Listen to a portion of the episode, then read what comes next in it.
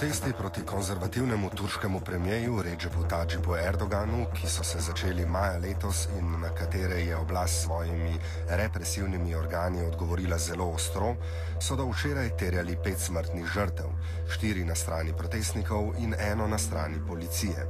Več kot 8 tisoč jih je bilo ranjenih. Število smrtnih žrtev pa se je včeraj povzpelo na pet. V Antakiju na vzhodu države so namreč včeraj potekale demonstracije v spomin ubitih, med katerimi sta dva padla v ravno v tem mestu. Demonstracije so v nekem trenutku eskalirale in pri policijski uporabi sovzivca je izstrelek zadev 22-letnega aktivista, ki je kasneje v bolnišnici umrl.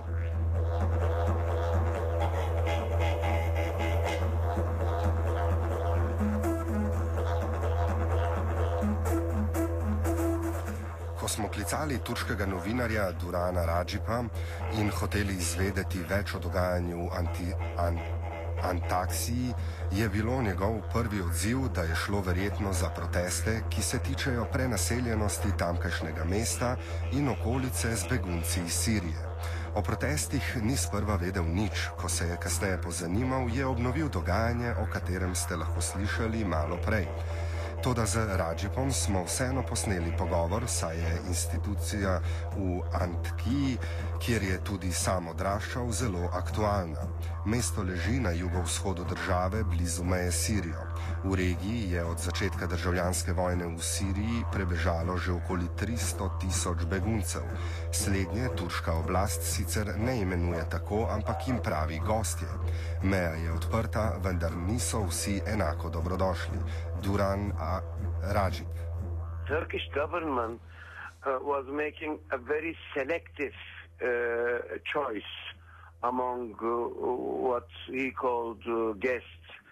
Only people, or let's say families, very young children, wives, and very old people, of people who are at the uh, who are at the ranks of uh, so-called Syrian Freedom Army are received over there.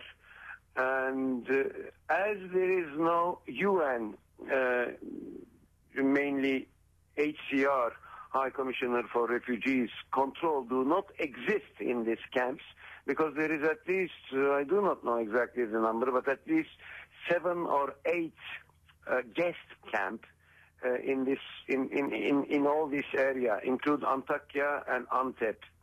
Uh, even Turkish opposition MPs were not allowed uh, to to go into these uh, camps uh, because local newspapers in that area wrote that these were not just camps for uh, these guests, Syrian guests, but mainly kind of a military base for anti-Assad uh, fighters.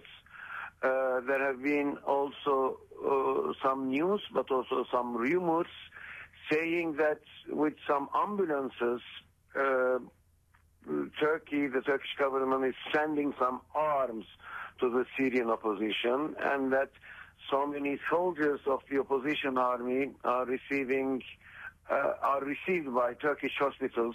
So on the other side, uh, so local people in this in this area are not at all happy with the Ankara policies uh, because before, I mean, let's say before the Syrian crisis, uh, mainly Antakya and Antep, also Gaziantep, were two big cities which have a very good commercial relation, trade relation with Syria, which was something very good for the local people uh, without making any difference about Sunnite or Alevite or Masaidi. Uh, people were in very good relationship in this area, uh, but this sectarial policy of Ankara uh, has put end to this good neighbor relation, and uh, uh, that's why there is a big problem um, in this area. What about in everyday uh, life? Is there any conflicts between uh, Turkish citizens and Syrian citizens which came to Antakya? Time to time, yes. Uh, I remember, for instance, when I think now there is more than three or four months ago, in Reyhan, there was a big bomb with at least 70 people who were killed. Um, Turkish authorities was, were saying that this was made by Assad uh, agents, uh, so Muhabarat, uh, the uh, intelligence service of Syria. But so many other independent specialists were saying that this was mainly uh, this was mainly made. I mean, this attack, bombed attack, was made by Al Nusra. So, uh, well, this was a very peaceful place before this Syrian crisis. So, of course, local people, because also there is mainly in Antakya, uh, the sectarial identity of the majority of Antakya people are also the same with the Syrian people, which means they are not Sunnis, they are uh, uh, Nusayris, uh, who are living also in, in, in, in both parts of the of the frontier area, so in Syria and in Turkey. Uh, so uh, people in Antakya, uh, Gaziantep uh, area who were living very peacefully, who had a very good, uh, let's say, trade relation before, uh, so are now accusing, I mean, mainly uh, people from Antakya and Antep, local people from Antakya and Gaziantep are accusing mainly Ankara, but also accusing the Syrian opposition because they have, I mean, when they came over there, there was a, there is much more disorder than before.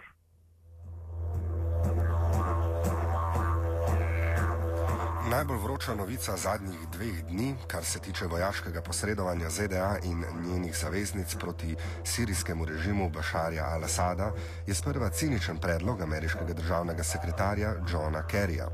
Ta je namreč na vprašanje nekega novinarja, kaj lahko stori Sirija, da se izogne napadu, odgovoril, da lahko preda kemično orožje mednarodni skupnosti. Ruski zunani minister Sergej Lavrov je predlog vzel z res in tudi vse druge upletene strani, razen razprašene sirijske opozicije, so ga do sedaj že podprle. Rađi pa smo vprašali, kaj meni o tej možnosti. Uh, there was an opinion poll uh, published only a week ago in Turkey. 76% of Turks and Kurds, of course, people living in Turkey, are against military intervention in Syria. So a minority of the Turkish public opinion is uh, behind Erdogan because Erdogan is the, uh, I mean, very big master of the intervention. He's making the propaganda of the military intervention against uh, Syria. And he was even saying that at the beginning only uh, air attack will be not enough so the whole American, British, French, Turkish army should go into Syria. This was his military strategy. Uh, from the first day, I think it was uh, beginning. It was it was no in mid uh, 11 of uh, August, uh, as I remember, about this so-called chemical attack, without any proof uh, Turkish government said that uh, it is true and there is no doubt that uh, these chemical arms were used by uh, Assad regime. Or, uh, as you know, uh, this is not very sure yet. UN inspectors were there and they didn't yet publish the, their report. And there are also some reports saying that opposition forces are also using chemical uh, chemical weapons. Weapons. So uh, uh, Ankara, Erdogan, the Turkish Prime Minister, will be not at all happy about this solution. Uh, but I think that the majority of the Turkish public opinion uh, would not like to would not like to see any kind of intervention, and in any case, Turkey will be not able uh, to make alone any kind of military intervention. Turkey is trying, uh, I, will, I, should not say Turkey, but the Turkish Prime Minister Erdogan is uh, trying to convince mainly United States of America for a wider uh, military operation, which is not on the agenda of Washington as we can see now. Glede na vse celotno situacijo, tako glede notranje politike kot tudi zunanje, nas je zanimalo, kakšno je še javno podpora Erdoganovi več kot desetletni vladavini. This is a difficult question. The next term, uh, I mean, the next test will be on end of March uh, next year. That will be not a general election, but a local election. But uh, when we have to speak about Erdogan's position comparatively to two or three years ago, I mean, everybody in Turkey is saying that so many things have changed. First of all, uh, policy on Syria was uh, uh, was completely unsuccessful. Uh, that was really a very, I mean, they took zero points in diplomacy about that. Looking about the Kurdish problem, he was trying to solve the Kurdish problem. Again, it was not at all successful. Uh, dealing with the Turkish protester, young protester, Gezi incident, that was also something very bad in the, uh, let's say, book notes of notebook of Erdogan. Uh, I mean, the majority of observers in Turkey uh, are saying that there's a big lack of a real and a strong opposition. That's why, uh, who knows, because uh, the next general election uh, will be in 2000, as I know, in 2015. And from today to 2015, there will be one local election, and there will be also an election for the presidency of the republic, which is much more important for Erdogan than the general election. So we will see, but uh, nobody is saying, apart Erdogan, of course, that he will have much more votes than the last one. At last time, he had uh, 51% of the voters. So today, nobody is saying that he will have much more than 51, but nobody can also predict uh, what will be the, the level of his, how many votes he lost. Uh, perhaps five, perhaps ten, perhaps 20 percent, but nobody knows exactly how much he lost. But he lost, that's sure.